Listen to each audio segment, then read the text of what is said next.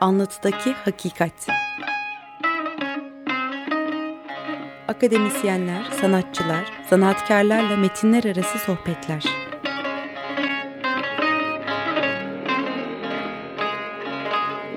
Hazırlayan ve sunan Ahmet Balat Coşkun.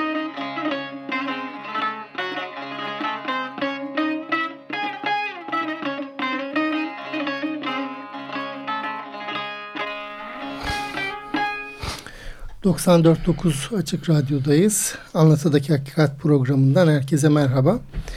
Ee, bugün Teknik Masa'da yine Selahattin Çolak bize eşlik ediyor. Ee, Semih Gümüş konuğumuz. Çimen ve ben de bildiğiniz üzere programı e, ne yapıyoruz? Kolaylaştırıyoruz. Ee, Semih Gümüş e, zaten hepiniz tanıyorsunuz kabaca benim kafamdaki tarifi o bir e, çok uzun yıllar Türk Edebiyatı'nda e, dergicilik, dergi editörlüğü ama bunun tarihi epeyce geri e, eskiden başlıyor. E, edebiyat kuramı ile ilgili denemeleri, yazıları, e, edebiyat kuramı ile ilgili katkıları olan e, ve eleştirmen bir e, e, yazar aynı zamanda. Bugün onunla insanın direnme gücü üzerine bir konuda konuşacağız. Hoş geldin Semih. Hoş bulduk, merhaba. Ee, ve müzik dinletilerimiz olacak. Onu da yine bildiğiniz üzere e, Yağmur Arık'ın seçtiklerinden e, size sunmaya çalışacağız. E, Çimen sende ne hazırlıklar var? Ben Semih Bey'in her iki kitabını da büyük bir zevkle okudum. Ee, bu kitaplarla ilgili beni düşünmeye iten şeylerin başında 12 Eylül'ü travmayı konuşarak buralara geldik daha önceki programlarda. Şu vardı. E, insanlar bir takım şeyler yaşadıklarında hani unutmak için bazen yazarlar. E, sanki travma yaşandığında geriye öyle izler kalıyor ki bazen yazarak da olsa kurtulamayabiliyoruz. E, bu e, özellikle belki sonra başka şeylerde konuşuruz kitabında. Bir şeyleri unutmaya çalışan, unutmak için kaçan e, etrafındaki insanlarla aslında çok da iyi ilişki kuramayan bir karakter var örneğin ve yazmaya çalışıyor. Ama romanın sonu sanki yazarak iyileşmenin mümkün olmayabileceğini de böyle sezdirecek bir şekilde bitiyor. Ben 12 Mart üzerine çalıştım. 12 Eylül üzerine de şimdi hani daha fazla okumaya başladım bu program nedeniyle. Yeniden dönüp ele almamız gerektiğini düşünüyorum bu döneme ilişkin anlatıları da. O yüzden soruyorum. Sizce o dönemin travmalarını romanlar iyi bir şekilde ele alabildiler mi? Bir eleştirmen olarak önce geriye dönüp onlardan başlasak konuşmaya. Henüz değil tabii. Ee, zaten 12 Eylül'ü konu eden, anlatan romanlar e, biliyorsunuz siz de izlemişsinizdir. Daha çok uzun yıllar sonra asıl olarak yazılmaya, yayınlanmaya başladı. Neredeyse aradan bir 20-25 yıl geçtikten sonra daha çok ve üstelik de 12 e, Eylül'ü tam anlamıyla içeriden yaşayanlar tarafından değil de ondan sonra gelen kuşağın e, geçmişe dönük bilgileri ve ilgileri nedeniyle yazılmaya daha çok başladı. Tabi bu arada 12 e, Eylül'le birlikte hapishanelere sayısız insan girdi ve orada çok uzun yıllar boyunca yaşayan, yaşamaya çalışan insanların yazdıkları belki e, roman e, denemeyecek tam anlamıyla. Çoğu anı kitabı yazıldı ve yayımlandı. Tabii ki onlar da sizin konu ettiğiniz travmayla iç içe e, idi. Başlıca konular aslında baskılar, işkenceydi bu anı kitaplarının. Sanıyorum şöyle bir şey var. Yani 12 Mart'tan hemen sonra da bu çok konuşulmuş, tartışılmıştı. Biz belki her yerde böyle yaşanan çok sıcak ve şiddet içeren dönemleri içinde yaşarken değil de aradan çok uzun yıllar geçtikten sonra e, yazabiliyoruz. Çünkü e, içinde yaşarken e, tam anlamıyla kavrayamadığımız gibi serin kanlı biçimde onu anlatma olanağına da sahip olmuyoruz. Uzun yıllar geçtikten sonra geriye dönüp, bak, dönüp bakıyoruz. Bu arada sürekli tabii belleğimiz çalışıyor ama e, tam anlamıyla yazabileceğimizi düşündüğümüz zaman yazmaya çalışıyoruz. Bence 12 Eylül konu eden romanlar da asıl olarak böyle yazıldı. henüz ne kadar yazıldı? Bence daha çok daha fazla yazılabilir ve yazılması gerekir bence. Çok az yazıldığını düşünüyorum. Evet ama daha fazla süre geçince daha kolay geri dönebilecek miyiz acaba diye de bir kaygı hissediyorum. Sanki bunu Fethi Naci de söylüyordu bir mesafe lazım değil mi? Yaşananlarla araya Her bir zaman. Mesafe girdikten sonra yazılabilir oluyor. Bu geziyle ilgili de böyle şeyler konuşulmuştu değil mi? Kesinlikle. Ee, Yaşandığı sırada yazılan örneğin öyküler falan bana kalırsa hani bir süre sonra e, pek de okunamayacak nitelikteydi. Herhalde daha zaman geçmesi gerekiyor geziyi de yazabilmek için. Kesinlikle katılıyorum. Mesafe arttıkça ama zamansal mesafe. Hani hayat ileriye doğru yaşanıyor ama geriye bakılarak anlaşılıyor ya. Geriye bakınca acaba bu sefer de onu mitleştirme eğilimi taşıyor olabilir mi insanlar o zaman mesafe arttıkça? Bilmiyorum yani bu kişilere göre değişebilir tabii. Mitleştirmek değil de şimdi bir de nostalji diye bir şey var yani. Şimdi 12 Eylül'ün öncesini ve sonrasını çok içeriden yaşayan insanlar ben de e, 12 Eylül öncesini ve sonrası çok içeriden yaşayan insanlardan biri olarak geçmişi aynıyla yaşamayı değil ama güçlü bir nostalji duygusuyla e, taşımayı sürdürüyorum doğrusu. Fakat bu tabii mitleştirmek e, anlamına gelmiyor. Hani bazen her türlü zorluğuna rağmen nerede o günler diye bir şey var. Yani bunu hissediyorum ben de doğrusu. Özlem. Evet. Evet. Yok. Ya bunu şimdi nostalji çok konuşulur biliyorsunuz. İşte olumlusu da var, evet. olumsuzu da var. ben olumsuzluğuyla çok fazla ilgilenmiyorum. Benim için her zaman olumlu oldu bu. Aslında nostalji enteresan bir şey. Böyle tarih metniyle karşılaştırdığında nostalji de aynı metodu kullanıyor. Bir geçmiş çalışması yapmaya Tabii. çalışıyor. Tabii nostaljiyi ben şöyle e, bir Rum arkadaşım söylemişti. O geçmişin sızısı gibi e, söylemişti. Özlemi çok güzel. çok. Öyle evet. E, Atanaş. Ona da buradan merhaba diyeyim. E, tabii şöyle bir şeye çok e, şöyle bir sakatlamaya çok e, elverişli bir e, yöntemi de içeriyor. Çünkü yeni bir tarih e, yaptığında aslında gerçeklikten de seni koparma ihtimali var nostaljinin. Çünkü hatırladığın ve sızıyla hatırladığın şey e, her zaman kolaylıkla e, estetize ve e, bir ürün haline gelmeye biliyor. Sonuçta birisi senden bir şeyi anlattığında işte 12 Eylül'ü nostaljik hatırladığında aslında e, iyi bir şey yapmamış da olma ihtimaliniz var. Yani bir yeniden tarih yazımı gibi de e, biz görüyoruz. Ben de şöyle bir soru var. Aslında gitmeyle başlıyor Sinan. Evet. Bu arada şeyi söyleyeyim ben. Şimdi efendim belki sonra başka şeylerde konuşuruz. Can yayınlarından çıktım. Can yayınlarının bu kitabını e, bu arada belirtmiş olalım. Sinan e, bir gitmeye başlıyor. Ben bu gitmeyi çok önemli de buluyorum. Çünkü insan gitmeye yazgılı gibi görünüyor. Yürümeye başlamak aslında evet. ne demek ki? Bir daha geri döneceğim demek değil. Yürüdüğümü artık bir daha da geri dönmemecesine yürüyorsun. Ama ben şöyle bir şey de yazmış, e, şöyle bir şey toparladığımı hatırlıyorum bir e, toplantıda. İnsan kendi hakikatinden ya da geçmişindeki trajediden ne kadar uzaklaşabilir? En fazla yörüngesine kadar. Çünkü onu gözden kaybedeceği bir uzaklığı hem istemiyor hem de başaramıyor. Evet. Sinan'ın bu gidişini e, bu nasıl e, okuyabiliriz? Çok güzel söyledin sen Ahmet. Şimdi Sinan gitmek istiyor. Geçmişinde romanda bir e, önemli ölçüde konu edilmeyen bir e, öncesi var Sinan'ın yaşadıklarının, romanın hikayesi içinde yaşadıklarının. Onun üzerinde çok fazla durulmuyor. Asıl sorun o değil çünkü. E, yaşadığı e, evet neredeyse trajik bir dönem var. Nedir bu? E, çok öne, e, ağır işkenceler yaşamış ve onun sonunda da bir bakıma yalnız kalmış aslında e, ve yaşadıklarının e, tam da bizim konu etmeye çalıştığımız travması içinde bundan kurtulmak için gitmeyi uzaklaşmayı seçiyor. Yaşadığı şehirden uzaklaşmayı, çevresinden uzaklaşmayı ve bütün derdi kendisine yeni bir hayat kurabilmek. Bunu e, geçmişte e, neler yaşamışsa onların yaşandığı yerde yapamayacağını düşündüğü için bir mekan, yer, hı hı. yurt değiştirmek istiyor. Bu anlaşılır bir şey. Bu hepimizde de aslında olabilir.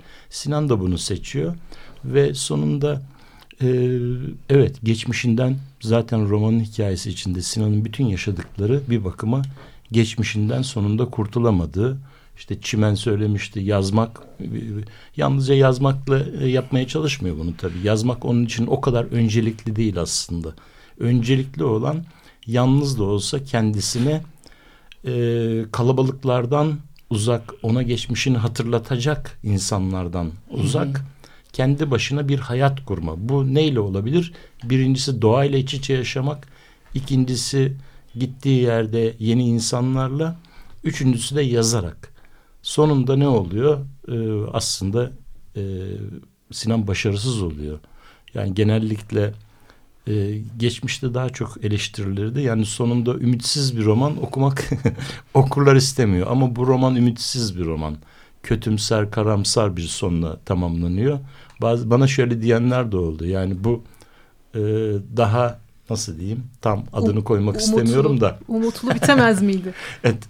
Yani umutlu belki başka bir romanda bitebilirdi. Bu romanda bitmeyeceğini zaten baştan biliyordum ben. Yani Sinan yenik düşüyor aslında her şeyden önce kendisine yenik düşüyor. Hı hı. Sonra e, neden işte konu ettiğimiz yaşadığı travmaya e, onu aşamıyor Sinan. Hı hı. Yani e, beklemediği bir başka şey daha yaşıyor. Bir aşk ilişkisi kısa süren fakat hızlı yaşanan. Orada tabii çok olumsuz e, şeyler yaşanıyor romanda. O aşk ilişkisi içinde Mina ile yaşadıkları içinde ve sonunda e, yazma konusunda başarısız oluyor. Orada birlikte e, yaşama, ilişki kurmak istediği insanlarla ilişkilerinde başarısız oluyor. Dolayısıyla o insan, insanların neden olduğu e, doğayla ilişkisinde de başarısız oluyor. Yani yenik düşen bir kişiliğin romanı aslında bu. Okurlar pek böyle romanlar okumak istemiyorlar aslında. Biz çok seviyoruz ama biz de okuruz. ben doğa ile ilişkisine Sinan'ın belki geri dönersek orada da ilginç şeyler olduğunu düşünüyorum. Doğa çok yutucu bu romanda. Evet. Siz hiç acaba bilmiyorum belki yazarken bunu çok cinsiyetli bir şey olarak düşünmemişsinizdir ama hani sulara giriyor kendini çırılçıplak göllere evet. bırakıyor. Ee, bir tür arınma aslında onun için yapıyor. Hani neredeyse psikiyatr olsak ana rahmine dönüş özlemi falan gibi bir şey söyleyebiliriz. O kendini yitirme arzusu e, doğayı böyle cinsiyetli bir şey olarak düşünmüş müydünüz yazarken? Yok hiç düşünmedim. Hı. Hiç düşünmedim. Kendini bu kadar kaybetmek istemesi benim çok hoşuma gitti. Ben de hani yapılabilecek bir şey mi bu diye merak ediyorum. Şehir Yap hayatından kopup bu çünkü çok turistik bir şey oluyor ya bir yandan da. Hani yapılabileceğini herkes, düşünüyorum ben. Ha, başarılabilecek bir şey. Evet yapılabileceğini düşünüyorum ben bunu başarabilseydi sanki o bir gerçekliği içinden... var yani aynı ile yaşanabilir bence. Tamam. Dolayısıyla eğer bunu başarsaydı yani doğayla Hı. bütünleşmeyi gerçekten başarsaydı e, bu travmayı atlatmayı, kendini iyileştirmeyi, ayakları üstünde durmayı da başarabilirdi gibi bir paralellik kurulabilir mi? Olabilir belki ama tabii e, yaşadığı o kısa süreli aşk ilişkisi onda çok yıkıcı etkiler yaratıyor. Çünkü cinsel bir şiddet gösteriyor Mina'ya ve elinde olmadan bunu yap yapıyor ve bunun farkında tabii bu onun için her şeyin sonu oluyor bir bakıma. Bu da önemli bence. Evet. Ee, şimdi aslında bu konuştuğumuz konular e, bir metinler arasılıkta e, içeriyor. E, bir edebiyat kuramı üzerine makaleleri olan biriyle burada olmak aslında çok önemli bir şans aslında bu programımız için. Biz aslında gitmeyi konuşuyoruz işte doğayla içte geçmeyi konuşuyoruz. Dolayısıyla şöyle bir soru e, çatılabilir mi? Okuma eylemini bir gitme gibi düşünürsek e, okuma eylemi e, neyi amaçlıyor? Yani neyle motive ve e, biz neden okuruz ya da daha en basit anlamında?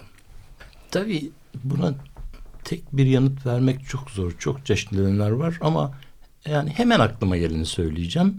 Başkalarının hayatını yaşamak için de okuyoruz aynı zamanda. Hı hı. Bu önemli. Çünkü yazarlar da yazmaya başladıkları zaman bence e, önce en iyi tanıdıklarını e, yazarlar. O da kendileridir değil mi? Hı hı. E, insan kendi yaşadıklarından çok yararlanır. Kendisini anlatmak için değil, yazmak istedikleri için en iyi malzemeyi kendisinde bulduğu için, kendi yaşadıklarında. Sonra başkalarının hayatını yaşamaya gelir ki burada yazan birisi için şöyle düşünebiliriz. Kendini yazmaya en iyi tanıdıkların yazacaksan ya da yazacakların mutlaka çok iyi tanınacaksa o kendi çevrenle bir bakıma sınırlı. Yani dışarı doğru açıldığın zaman e, ne kadar e, kendin kadar iyi tanıyabilirsin? Bu çok zor. Yazarlar bunun için araştırma da yapıyorlar ama çok zor. Çünkü sonra başkalarının hayatını yazmaya başlayınca orada zorlanıyorsun. Onu en iyi öğrenmenin yolu da yaşamak değil, hı hı. okumak aslında. Çünkü kendimiz gibi sayısız insanın yazdıkları var kitaplarda. Dolayısıyla onları okurken ister yazar olarak okuyalım, ister okur olarak bence fark yok arasında pek. Başkalarının hayatını e, ve bilmediğimiz aslında hayatları okumak bu çok çekici geliyor tabii evet. okuma eyleminde. Ama tabii bir yazarın okumasıyla okurun okuması arasında şöyle bir fark da var. Ben bir yazarın sonunda e, ya, okuduklarının hikayesini okumak için okuduğunu düşünmüyorum ya da böyle bir okumayı doğru bulmuyorum. Çünkü okuduğumuz her şeyden e, bir şey öğrenmek için okuruz. Yani bir yazar e, kim demiş şimdi hatırlamıyorum. E, Enis Batur demişti galiba. Yani bir yazar yazmak için okur. Ben de aynı düşünüyorum. Yani yalnızca yazmak için okur aslında. Keyif için okuma bilmiyorum. Benim de pek yaptığım bir şey Peki değil. Peki aslında şimdi e, tam siz bunları söylerken tersiyle de düşünmek mümkün olabilir. Sen ne dersin e, Çimen sana da bu arada sormuş olayım. Okuma eylemi aslında e, çok enteresan başka yerlerde kullandığımızda ben birinin zihnini okurum. Ben seni evet. tamamen okurum falan dediğimizde aslında içinde bir e, yıkma, yıkıcı bir şey de var. Yani maruz kaldığımız ya da ilişkiye geçtiğimiz metinli yıkma isteği de taşıyoruz bence. Çünkü eğer e, e, yani gidip şöyle düşünebiliriz. Bir biri öldürülüyor e, ve o öldürülme mekanında olayın işlenişi, e, olayın işlenişiyle ilgili mekanın tasviri ni yapmak için e, savcılar gider olay yeri keşif tutanağı yaparlar.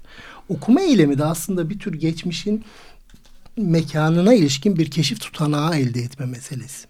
Niye niye böyle bir şeyle güdülü? Aslında o geçmişin yüküyle kurtulmak için yani yükünden kurtulmak o yaşanmış ölümle vedalaşmak için de yapılan bir eylem. Dolayısıyla bir okur her zaman bu kadar e, kendine çıkar sağlayacak bir şey ya da çok masum bir şeyle güdülenmemiş olabilir. Ne dersin? Ben okumayı bir şiddet eylemi olarak görüyorum.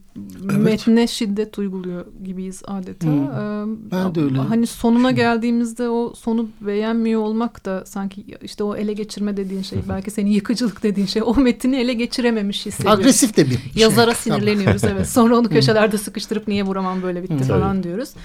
Ama şey sorunumuz var belki. Hani e, çok özdeşleşerek okuyor olabilir miyiz bilmiyorum. Belki o hani bir eleştirmenin bir kitaba olan yaklaşımında mesafeyi koruyarak okuyabilme ya da bu yaratılan kişilerin zaten kurmaca kişiler olduğunu zaten en baştan bilerek kabullenerek hareket etmek e, gibi bir e, lüksü demeyeyim de bir özelliği var. Bir bilgiye sahip. Böyle objektif, naif bir Ben bu kitabı okuyup buradaki adam cinsel şiddet gösterdi diye sinirlenip bu kitabı tabii. bırakacak birçok kadın okur tanıyorum. E, kesinlikle tabii ki. Hmm. Bu adamın sinirlenebilir bir adam olarak yaratılması bir yazarlık başarısı aslında bir yandan. Sinirlenmeden bu, bu, bu adam böyle yani ya bu, da böyle bir e, yaşantıyı anlatıyor. Evet Buna, şimdi bunun ne sonu, bunun içerisinde e, işte elbette yani taraf tutulmasını bekliyoruz okurken. Hani evet. o o kadının da tarafında birileri olmalıydı ama şimdi şu da çok anlaşılabilir. Hani kadınların sürekli öldürüldüğü bir ülkede yaşayınca siz ister istemez burada da biri gelsin şu kadını kurtarsın oradan duygusuna kapılıyorsunuz o duyguyu bir okur olarak hissediyorlar ve bunu yansıtabiliyorlar. Ama zaten bu insani bir şey ama tabii e, şeyle tabii romanın kendisiyle ilgisi olmayan. Evet, onun için tabii. o eleştirmenin taşıyam bir taşıyamayacağı bir şey olarak evet. düşünüyorum. Onun için okuma eylemi de aslında hani o biçimlendirme denen şeyi yapıyor. Okur bunu yapıyor, eleştirmen bunu yapıyor. Bağlamı insanlar her okuduklarında kendi kendilerine en baştan oluşturuyorlar. Tabii.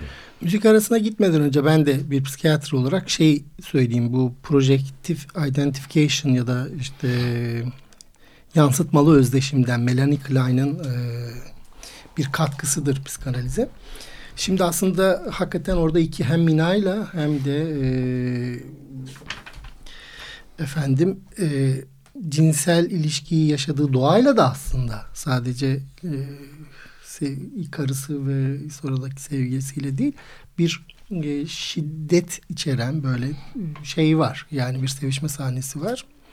E, arzulama var, terk etme var. Aslında e, projektif identifikasyonda e, kendimizde hastalıklı olanı yani diyelim ki bende bir aşağılık kompleksi var. Hı hı. Kedilere vuramıyorum. Hı hı. Ya da kadınları öyle dövemeyen diyeyim şimdi ben kendimi söyleyince de çocuk hayatı biraz daha estetik biraz da şey bu benim aşağılık kompleksim. Dolayısıyla ben bunu ötekine yansıttığımda öteki bunu yapıyor birini seçiyor, seçmiş oluyorum. Mesela işte bizim ülkemizde sert bir e, yönetici var. Ona e, kendimde olmayanla e, özdeşim kur, kurarak ona oy vermeye başlıyorum. Mesela bir projektif identifikasyon.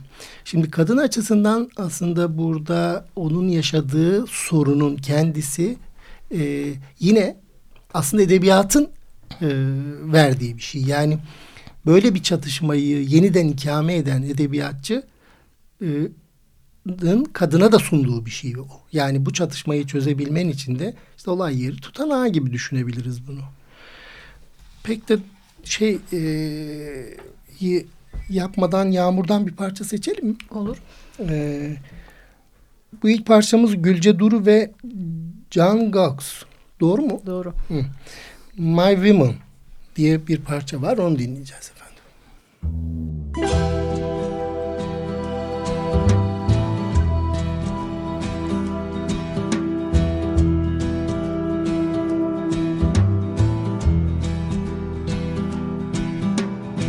Touch my heart, unveil my soul.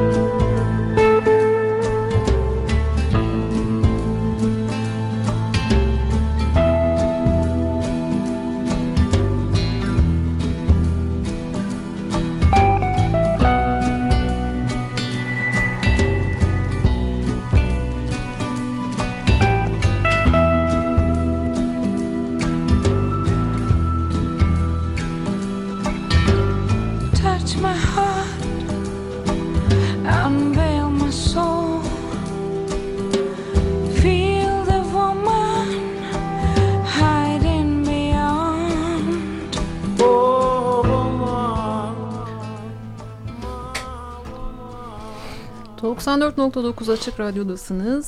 Sohbetimiz devam ediyor. Benim şöyle bir sorum var. Biz bundan önceki programların birinde Feride Çiçekoğlu'yla da e, 12 Eylül üzerine konuştuk. Yazmak üzerine, travma üzerine de onun çok tatlı bir katkısı oldu. Ya ben başıma gelen şeylerin travmatik olduğunu düşünmemiştim dedi. Travma hakikaten dışarıdan bakan bir gözün yakıştırması gibi böyle bir medikal bir terim ya bir yandan da hani bir, biz seyrediyoruz önümüzdeki bir takım olan biten şeyleri sonra oradaki insanların yaşadıkları şeylere sanki böyle dışarıdan dışarıdan teşhis koyuyoruz. Ee, bütün bu hani 12 Mart e, edebiyatının eleştirisinde de içeriden ve dışarıdan yazmakla ilgili bir problematik tartışılmıştı daha önce. Evet. Sizin Doğru. belki sonra başka şeyler konuşuruz adlı romanınızın da içeriden ve dışarıdan bakmakla ilgili temel bir e, biçimsel şeyi var. E, müdahalesi var. Yani anlatıcı sesin birdenbire değişmesi, farklı taraflara gidebilmesi. E, bunu tabii ki bilerek yaptınız ve bunu bir önemli sorunsal olarak düşünüyorsunuz. Yani Evet. anlat, anlatıcı sorunu üzerinde duruyorsunuz yazılarınızdan Evet, da çünkü duruyorum. bunu tan- tanıyorum, biliyorum. Hı hı. Biraz o konuyu açmak ister misiniz diye rica edecektim. Şimdi Feride Çiçekoğlu'nun söylediği e, doğru tabii. Biz onunla e, tanışırız da Feride ile. Aynı zamanların insanlarıyız. Benzer zamanları benzer biçimlerde yaşadık e, da denebilir. E tabii yani kendi yaşadıklarımızı bir travma olarak görmüyoruz. Muhakkak böyle. Ama şöyle düşünelim. Yani öyle zamanlar oluyor ki örneğin şimdi içinde yaşadığımız zamanları e, birer travma olarak e, görüyor muyuz, yaşıyor muyuz? Bana öyle geliyor ki e, bugün bunu daha fazla söyleyebiliriz. Yani Yani bugünün daha travmatik olduğunu. evet. E, şöyle bir fark var. Yani hep böyle konuştuğumuz zaman e, o günlerle bugünleri karşılaştırdığımızda e, bir kere yani bu, bu ülke çok farklı idi o zaman ile bu zaman arasında muazzam bir fark var. Her anlamda, her bakımdan. E, o zaman e, yaşadıklarımızı e, şey olarak yaşıyorduk. Bir kere yani biz o yaşadıklarımızın bir bakıma özneleri arasındaydık. Yani iki öznenin karşılıklı bir e, şiddetle çatışması gibi yaşanmıştı. O zaman si- siz inisiyatifinizi hala kaybetmiş değilsiniz. Oysa bugün böyle bir durum olmadığını düşünüyorum ne yazık ki. Yani bugün aslında e, o zaman hiç aklımıza bile gelmeyen e, bu e, travma şimdi daha içeriden hissettiğimiz bir durum. Böyle bir fark olduğunu düşünüyorum. Yani gelecekte birisi bir gelecek e, kuşaklardan bir genç bugünlerde neler yaşadığımızı sorsa e, idi yaşadığımızın bir travma olduğunu söyleyebilirim ben sanıyorum aradan söz gelimi bir 20 yıl geçtikten sonra. Böyle bir fark var. Evet. Ee, anlatıcının hani Sinan'ın gözünden bir şeyleri görürken bizi birdenbire dışarıdan bir göze yöneltmesinde de belki o farkı ortaya koyacak bir Tabii. ikilik mi yaratmak istediniz? Tabii e, muhakkak böyle bir şey var. Ama e, ondan da çok aslında ben kendi kendime kafa yorduğum, nasıl olması gerektiğini düşündüğüm e, anlatım sorunlarına e, kendimce bir e, çözüm e, getirmeye de çalıştığımı söyleyebilirim bu romanda. Ben ne düşünüyorsam onların bir bölümünü bu romanın ele e, olanakları içinde el verdiği ölçüde yapayım diye de düşündüm. Yani orada işin biraz teknik tarafı da var yani. Çoklu anlatıcı var. Sen de fark ettin. Yani böyle tek anlatıcı yok orada. Ee, Şimdi çok sık şey oluyor. Yani e, bir taraftan bir anlatıcı var anlatıyor ve çok sık tabii ister istemez Sinan'ın yaşadıkları zaten onun iş dünyasında e, bulunmayı çok fazla gerektirdiği için çok sık e, onun içine giriyor ve çıkıyor. Böyle bir şey var. Bu aynı zamanda teknik olarak nasıl yapılmalı? Çok düşündüğüm bir şeyler olduğu için onun bir örneğini de vermeye çalıştım doğrusu. evet bu yanıyla Şimdi enteresan. teknik tarafı da var. Bu anlamıyla bayağı öncü bir şey bu. Çünkü Çok da görmüş bir şey e, değil evet. o bir düğün gecesinde vardır Ömer e, Hmm, o döneme evet. ilişkin şeyleri hatırlarken Evet. birdenbire bir general canlanır, general bir şeyler söyler. Aslında geçmişe götürür, bizi geri getirir, o ana tekrar Evet. bağlar. O tip zamansal kaymalar vardı ama bilinç kayması anlamında Hmm. ya da perspektif kayması anlamında bu kadar iyi bir şekilde organik bir bütün haline getirilebilmiş bir anlatı ben bilmiyorum. Aslında şimdi siz söyleyince aklıma şey geldi. Aslında analiz edenle analiz olan e, işte danışanla danışana yardımcı olunan arasında da şöyle bir şey var. Ee, karşısına gelen, analistin karşısına gelen e, analizan karşısındakine şöyle bakıyor. Bu çocukluğunun bugünkü simetizasyonu, bugünkü temsilcisi. Aslında bu siz bugün yaşadıklarımız hani hiç yaşanmamış dediğimiz her anımız sürekli olacak. Yani burada belki şöyle bir şey söylemiş oluyoruz.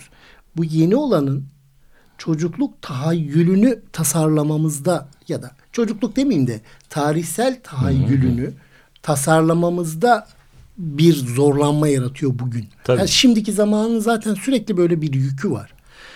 Burada yapılması gereken de tabii böyle bir kronolojik hatırlama, bir bellek meselesiymiş gibi de düşünmemek lazım. Hatta tarihin de konusu değil. Çünkü bugünkü şimdiki zamanın geçmişteki simetrizasyonu yani ayna karşılığını, negatif ayna karşılığını tahayyül etmek tamamen yaratıcılık dediğimiz bir şey. Edebiyata giren bir şey. Sanata giren bir şey. Yani onun tamamını gerçek olarak hatırlamak durumunda değiliz. Zaten onu yaparsak o somut e, bir arşivcilik meselesi e, gibi olur. Bilmiyorum hani böyle e, çok da keskin sınırlarla söylemeyeyim ama aslında bizi zor yoran şimdiki zamanın sürekli yeniliği, yeni gibi görüneni ve travmatik olan şeyi aslında bizi zorluyor olması. Dediğim gibi ayna karşılığını bulamıyor olması. Tabii şimdi mesela senin dediklerini bakarak düşünüyorum şimdi. Örneğin bugünler içinde e, geçen e, benzer bir roman yazmaya çalışsaydım herhalde çok zorlanırdım. Çünkü şu anda içinde yaşadığımız durumu ve kendi bir birey olarak da onun içindeki durumumu tam olarak kavrayabildiğimi söyleyemem. Yani çok şey var. Mesela ee, çok zor bir durum Tabii. şu ya anda. Bu karşım... Gelecekte anlayabileceğimden eminim ama şu anda değilim. E, anlayabiliyorum ben ne demek istediğini. Aslında yani böyle daha somut örneklerle de benim şimdi kafamda bir şey gelişti. Şimdi bu ülkede işte hakikaten çok eski bir ülke. Şimdi e, Bizanslılar da yaşamış Tabii. ama İstanbul'da biz İstanbul'da Bizanslardan daha çok yaşamış görüyoruz 1453'ten baksak. yani kaç yıl olmuş? 600 yıldır biz buradayız. Onlar daha eski. Ama şöyle bir durum var. Şimdi çıkıp da bir yönetici bize Kürtlerle Türkler, Rumlarla Ermeniler, Rumlarla hep kardeşlik deyince bugün o kardeşliğin kendisini kavranılmış bir karşılığı yok. Mesela kendi hayatımda ben hani İstanbul doğumluyum. İşte bir mecbur hizmet için Güney ve Doğu'ya gittim. Ee, işte bu şey dönemlerinde ölen insanlar vardı. Mesela Tabet Hanım diye bir kadın öldü. Evet. O ölen kadının Kürt olduğunu kavruyor ve hakikaten 600 yıldır birlikte yaşadığımıza ilişkin bir yüzdüşüm karşımızda yok. Yani kimliğimizin parçasında edinilmemiş bir şeyden bahsediyoruz. Dolayısıyla e, bizim 12 Eylüllerimiz, bugünlerimiz bir kroniste içeriyor. Yani sürekli devam ediyor. Yani Tabii. biz sürekli e, travma e, yazıyoruz. Travma Yok ama ben yarat. bunu söylediğimde sonra bana kızmıştın. Her gün her dakika travma yaşıyoruz dedim bu kadar abartmayalım. Nefes aldığımız her an içinde. Ben onu demedim. Gerçekten. Bayağı yalan. Şöyle bir sorunumuz İftira yok mu? Bugün, bugün Şöyle için bir... katılıyorum ben Çimen sana. Geçmişte işte 12 Eylül'den söz ediyoruz ya. O zaman böyle bir şey kesinlikle söylenemezdi. Ama bugün her anımızın bir travma olduğunu katılıyorum ben. Çok teşekkür ederim. Ee, şöyle Gerçekten bir sorunumuz... bir ikili çeteyle. Biz de önden konuştuk. şöyle bir sorunumuz yok mu? Kardeşlik eşit eşit bir ilişki mi kardeşlik ki? Kardeş... Bir ilişki o. Tamam o zaman zaten kardeş... Sınıflı bir ilişki. Kardeşlik de başından itibaren sorunlu bir şey. Yani hepimiz hmm. kardeş olduğumuzda da sorunlarımız devam ediyor olacak. Yani eşit bir kardeşlik mesele bir yandan da. Hani Orhan Pamuk diyor ya ben babamdan görmedim aslında o hmm. e, baskıyı abimden gördüm. Tabii zaten o önermenin kendisi kardeşlik tamamen hukuka ait bir şey. Yani kardeşliğin orada hiyerarşik şeyleri falan bilir. Yani aile zaten bir Öyle. hiyerarşik yapılanma. Öyle. Bunu biliyoruz. Evet. Ee, o yüzden hani aile içinden başlayarak şimdi her anımız travma derken yani ben de çok hani o arabeski çok sevdiğimden değil ama şuna dönüşüyor. Çözemediğimiz her problem eklenerek Tabii. bugüne geliyor. O bir parçası. Ama biz bugün bunlarla hesaplaşmaya başlasak hani bugünden itibaren saat 12'den itibaren diye söylesek konuşsak ben sanki. birazdan geleceğim. ama sanki hala e, şimdi burada bu romanın söylemeye çalıştığı şey biraz da o belki. Yani şimdi de duygusal boyutu var. Bugün bugün o ne bileyim komisyonlar kurulsa işte adalet komisyonları gibi şeyler var değil mi? Askeri darbe yaşayan tek ülke bizim ülkemiz değil. Sonuçta Hı-hı. insanlar işte cumartesi anneleri vardı. Orada Hı-hı. da e, meydanlarda toplanan anneler var Latin Amerika'da. Bir hesaplaşma sürecinden geçtiler e, ama kapanmıyor işte bazı yaralar. Tabii. Hani bütün bunlar yapılsa, konuşulsa, edilse, adaletin tesis edildiğine dair bir fikrimiz olursa ve kardeşlik eşit bir ilişki olarak bize görünmeye başlasa bile unutamayacak ki insanlar.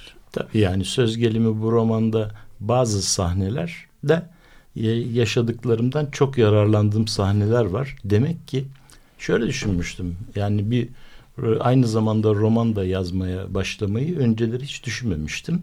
Ama şunu düşünürdüm hep. Yani e, yaşadıklarımız o kadar zengindi ki zaten o zamanlarda şey de derdik yani yani böyle işte bir takım devrimci romanlar okumaya da artık belli bir zamandan sonra gerek yok. Çünkü bizim yaşadıklarımız onlardan farksız artık derdik ve e, bir gün bunları yani anılarım olarak yazmak isterdim doğrusu. Bunu kurardım. Olmadı böyle bir şey. E, roman benim için e, bir bakıma şöyle bir fırsat yarattı ya da böyle demeyeyim de bu romanda yaşadığım bazı sahnelerden çokça yararlandım ve ne kadar çok iyi belleğimde ne kadar canlı kalmışsa o sahneler romanda o bölümlerin benim için daha iyi yazıldığını söyleyebilirim.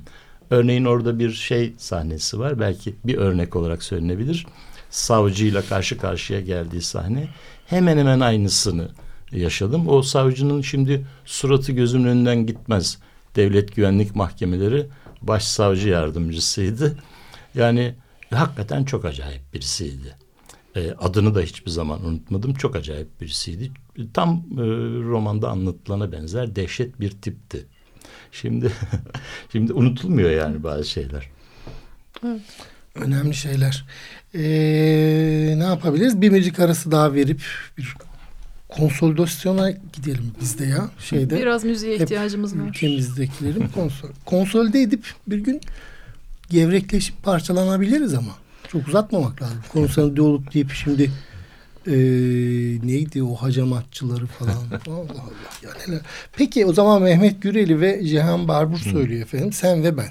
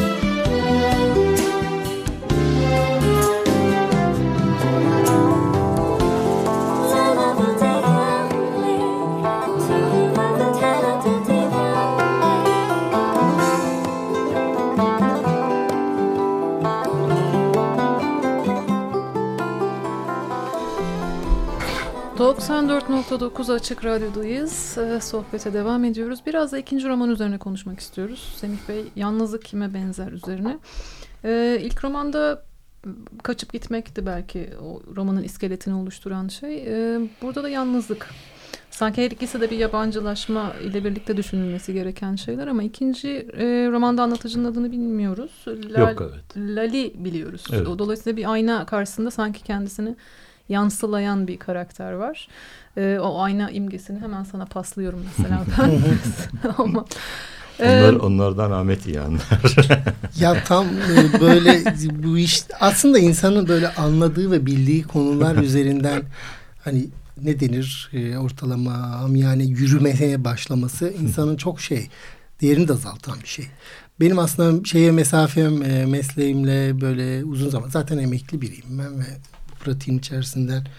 Bu pratiğin için şey olduğunda da ben çok hep e, edebiyata hep ilgi duyduğum ve işte dergiler falan. Bence şöyle bir Hı. durum var. Bir psikiyatr olarak edebiyat içerisinde bundan emekli olamazsın. Evet. Olamıyorsun. Tabii. Zaten hani şey ben kuramından bahsediyorum. Hı hı. Klinisyenliği ve pratisyenliğini hı hı. icra konusunda emekli hı hı. olmazdım istesem ben. Çok genç yaşta emekli oldum hastaneden ayrılmazdım yani aslında bu yabancılaşma konusu e, diğerinde de var bence. Evet sen hani ee, e, okumayı ben senin aklını okurum ya da birbirimizi okuyoruz gibi de kullanabiliriz dedin ya aynı cümle burada da Semih Bey'in kullandığı şeylerden biri. Lal diyor ki herkes herkese okuyamaz. Evet. Aslında okuma önemli bir e, eylem biçimi. E, dediğim gibi aslında içinde agresyon içeren bir bir şey. Ama m, çok da böyle aktif bir eylem. Yani okuduğunu, kendi öykünle ilişkisini düşünüyorsun. Çok bulaştırmaman lazım. İkincisi onun e, kendi öykünün e, aracılık etmesine imkan vermen gerekiyor. Dolayısıyla oradan bir formülasyona ulaşman gerekiyor vesaire. Bu kendimizle de kurduğumuz işte böyle yapıyoruz. Yabancılaşmayı ben biraz Marx'tan hani bahsedebiliriz. Yani e, Marx yabancılaşmayla ilgili aslında bir örneği var. Hani üretim yaptığımız, üretilen üretim ilişkisinden getirip ürettiğimiz şeyi iktisadi bir aracılıkla yeniden satın alma işi. Yani tüm e, ya da satın alamama. Ta, ona Onu maruz kalma. Tabii evet. ama iktisadi bir çelişkiye maruz kalmaya ben yabancılaşma diyebilirim. Hmm. Yani tüm e, ikili ilişkilerimizde, aşk ilişkilerimizde, çocuk ilişkilerimizde, kendi yaptığımız işlerle aramızda iktisadi bir ilişki varsa ki bu e, tam da e, iktisadın teşekkül ettiği dönemin yarattığı bir şeydir bu yabancılaşma. Yani fabrikada ayakkabı üretiyor, sonra gidiyor yaptığını vitrinde görüp keşke alabilsem diyor. Şimdi bu e, sahip ol, olma işi ile kendimizin arasına giren şeyin maddi de şeyi toplumsallaşmada var. Ben çok da uzatmayayım ama e, bu yabancılaşmanın esas olarak yazarla e, yazarın aslında hiç yapmadığı bir şey. Yani e, üretim aşamasında herhangi bir yazarın demeyeyim de bunu e, bir sürü edebi e, sanat dallarında da söyleyebiliriz. Efendim ben çok da uzatmayayım. Benim söyleyeceklerim Bunlar yani. Hmm, şu ilgi çekici ikinci roman için belki eklenebilir. Ee, hani e, bir metinler arasılıkla ilgili bir çabamız da vardı bizim travma konuşurken sonuçta tarihsel bir döneme bakacağız ama edebiyat konuşuyoruz ama ruhsal durumlar da bununla iç içe. Dönemi anlamak için bunların hepsinin ele alındığı bir takım şeylere ihtiyacımız var diye başladık. Hatta programlardan birinde Fatih'le ben katılamadım. Çok üzgünüm o programa gelemediğim için ama e, de, delilik meselesi de konuşuldu. Örneğin yani bütün bu acılar bizi gerçekten çok yorduğunda delirmek bir özgürleşme biçimi midir? Çünkü aslında edebiyata baktığımızda bir takım çok sevdiğimiz karakterler böyle biraz yarı deli ya da deli ya. Hı hı. Ve o çok güzel delirmişler ya hani özendiğimiz bir şey de oluyor bir yandan sanki insan Zihnin bütün nasıl yüklerinden- aslında bütün merak yüklerinden ediyoruz. evet kurtulu kurtulabilirsin gibi düşünüyoruz. Burada em, diğer edebiyat e, metinlerine de yazarlara da göndermelerle anlatmaya çalışıyorsunuz yalnızlığı. Dolayısıyla yalnızlık sadece belli bir dönemi belli bir ilişkinin içerisinden türetilen bir şey değil de sanki bir e, yazınsal ortak nokta bir yani bütün bunların dönüp dayandığı aslında ortak bir edebi miras. Tabii aslında şimdi önemli bir şey tabii yani yalnızlık insanın yaptığı bir seçim midir yoksa zaten insan birey olmaya, bireyleşmeye başladığı zaman kendiliğinden içine düştüğü bir durum mudur? Ahmet daha iyi bilir bunları. Yalnızlık bir travma mıdır? Ama ben böyle düşündüğüm için de biraz aslında bu romanı kafamda böyle tasarlamaya başlamıştım. O zaman da yani nasıl bir e, tabii bu tasarı çok değişik biçimlerde anlatılabilir değil mi? Ben de şöyle düşündüm. Yani yalnızlığı hem kendisi yaşayan hem de yalnızlığı anlatan e, yazarlar yani yalnızlığı anlatan metinler ve yalnızlığı yaşayan yazarlarla iç içe bir tasarı nasıl yapabilirim diye düşünmüştüm. Böyle bir şey çıktı ortaya. Orada zaman zaman mesela romanı okuyanlardan şöyle soranlar oldu. Yani bunlar e, en sevdiklerim mi? Hayır değil. Yani en sevdiğim yazarlar değil. Yalnızca dediğim gibi yalnızlığı yaşamış ve kendisi seçmiş, seçerek yaşamış tabii. Seçmiş ve yalnızlığı anlatan romanlardan e, yararlandım. Onlarla iç içe bir metin kurgulamaya çalıştım. Orada çok sevdiklerim de var. Çok yabancısı olduğum yazarlar da var aslında. Şöyle bir oyun oynuyorsunuz ama sanki. Burada o anlatıcı yalnızlıkla ilgili duygularını o metinlerle inşa ediyor. Tabii. Dolayısıyla ben o metinleri hiç okumamış olsam sanki yalnızlığımın farkında olmayacağım ya da o şekilde ifade etmeyeceğim.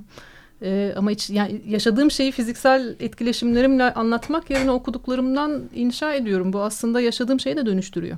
Doğru. Ee, Çok güzel. Aslında tam ben böyle düşünmemiştim için ama şimdi çok güzel bir açıklama oldu dediğin. Gerçekten e, adı olmayan e, karakterimizin, kahramanımızın yaptığı bu aslında. Çünkü şimdi orada da bir e, aşk ilişkisi bu çok fazla anlatılmıyor aslında. Terk edilme duygusuyla e, kendi kabuğuna çekiliyor. Dört duvarın içine e, çekiliyor ve aslında hep orada romanın e, gerçek hikayesi için hep orada yaşıyor.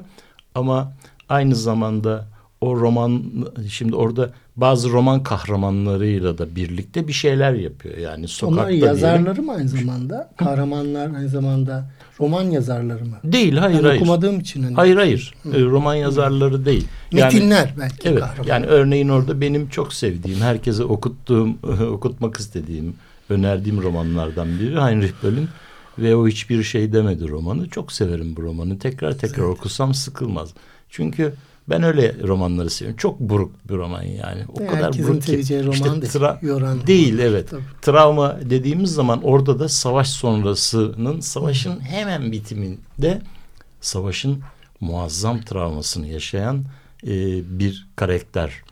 E, şimdi o bir yazar değil yani romanın karakteriyle bir barda işte onun sürekli gittiği romanda sürekli gittiği bara bizim e, romanımızın karakteri de gidiyor ve orada bir biçimde karşılaşıyorlar çok az konuşuyorlar. E, orada şimdi e, ve o hiçbir şey demedi de anlatılanın e, çok benzeri de burada anlatılırken orada hiç aslında anlatılmayan da anlatılmayan da işte o romanın kahramanı Bogner ile bizim romanın kahramanı yaşıyorlar bir biçimde. Tabii bütün bunlar neye işe yarıyor? Biraz çimenin dediğine yarıyor. Çünkü yalnızlığı seçmiş ama onu nasıl yaşayacağını baştan bilmiyor aslında. Sadece kendisini bir bakıma cezalandırıyor. Yapabileceği başka hiçbir şey olmadığı için. Ondan sonra o yalnızlık e, bildiği, okuyarak tanıdığı bildiği yalnızlığı bilinçli olarak seçmiş yazarların hayatlarıyla iç içe geçmeye ya da yalnızlığı anlatan romanlardaki kahramanlarla birlikte onların nasıl yaşandığını anlamaya başlayınca bir bakıma kendi yalnızlığını kurmuş oluyor. Romanın sonunda o odadan aslında çıkmıyor ama bir bakıma yani bu romanın hikayesi de orada bitiyor. Ee, yalnızlık e, konusu aslında çok e, konuşulmuş bir mesele Çok. üzerine. Çok. Ama bugün sizin anlattıklarınızla kafamda şimdiye kadar biriktirdiklerimi de içine alacak bir şeyler aklıma geldi. Şimdi aslında kabaca yalnızlıktan kastedilen şey bir başka insanla ilişkiye girmeme durumu. Ama mesela bu dışarıdan e, nasıl görünüyor? Çocuğum sokağa çıkmıyor ama işte bir elinde şeyle uğruyor, uçuyor o teknik aletlerle. Hı hı. Şimdi aslında tekil faaliyetlerin yapıldığı her iş aklımıza gelse mesela yazı yazma tekil bir faaliyet. Ama Evet. çocuk yapma değil. Ev işte bir sosyolojik ilişkinin bir parçası olmadan da bir üretim hali var insanın. Peki bu tekil faaliyetler mesela resim yaptığında sevgiline gel bir de sen eline fırça al falan diyemezsin ya da sen de şu kısmını oku birlikte yaz diyemezsin. Bu tekil faaliyetlerin kendisi dışarıdan her zaman ürkütücü ve ilgi çekici görünüyor.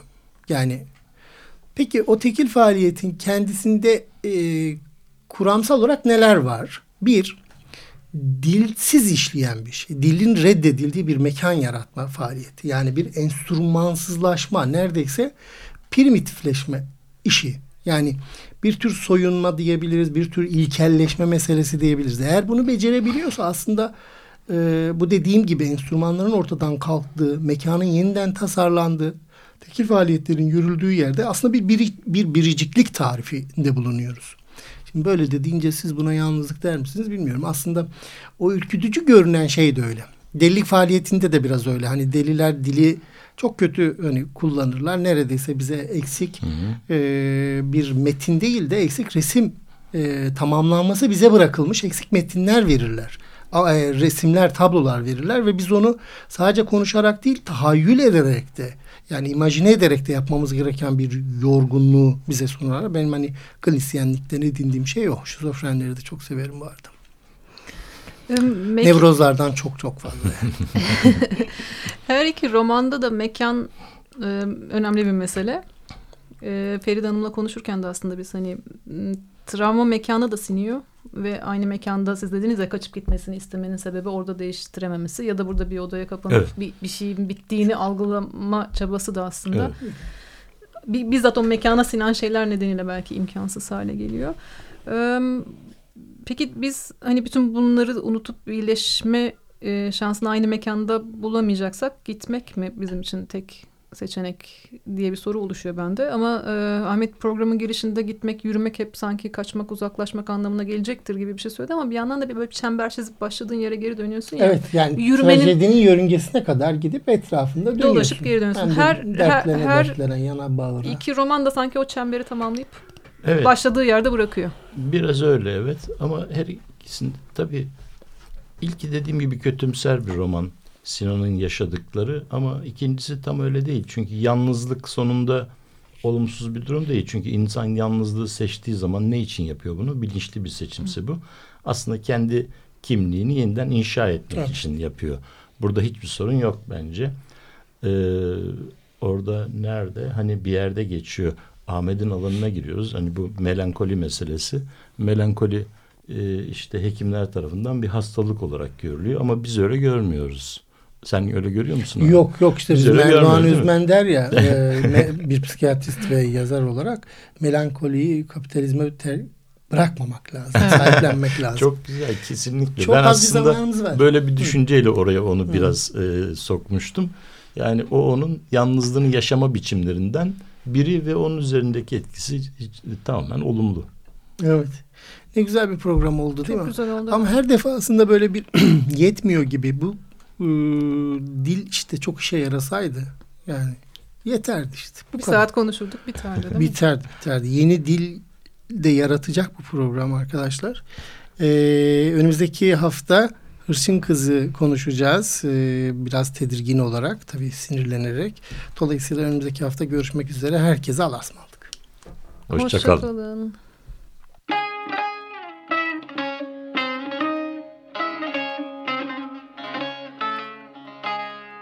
Anlatıdaki hakikat. Akademisyenler, sanatçılar, sanatkarlarla metinler arası sohbetler.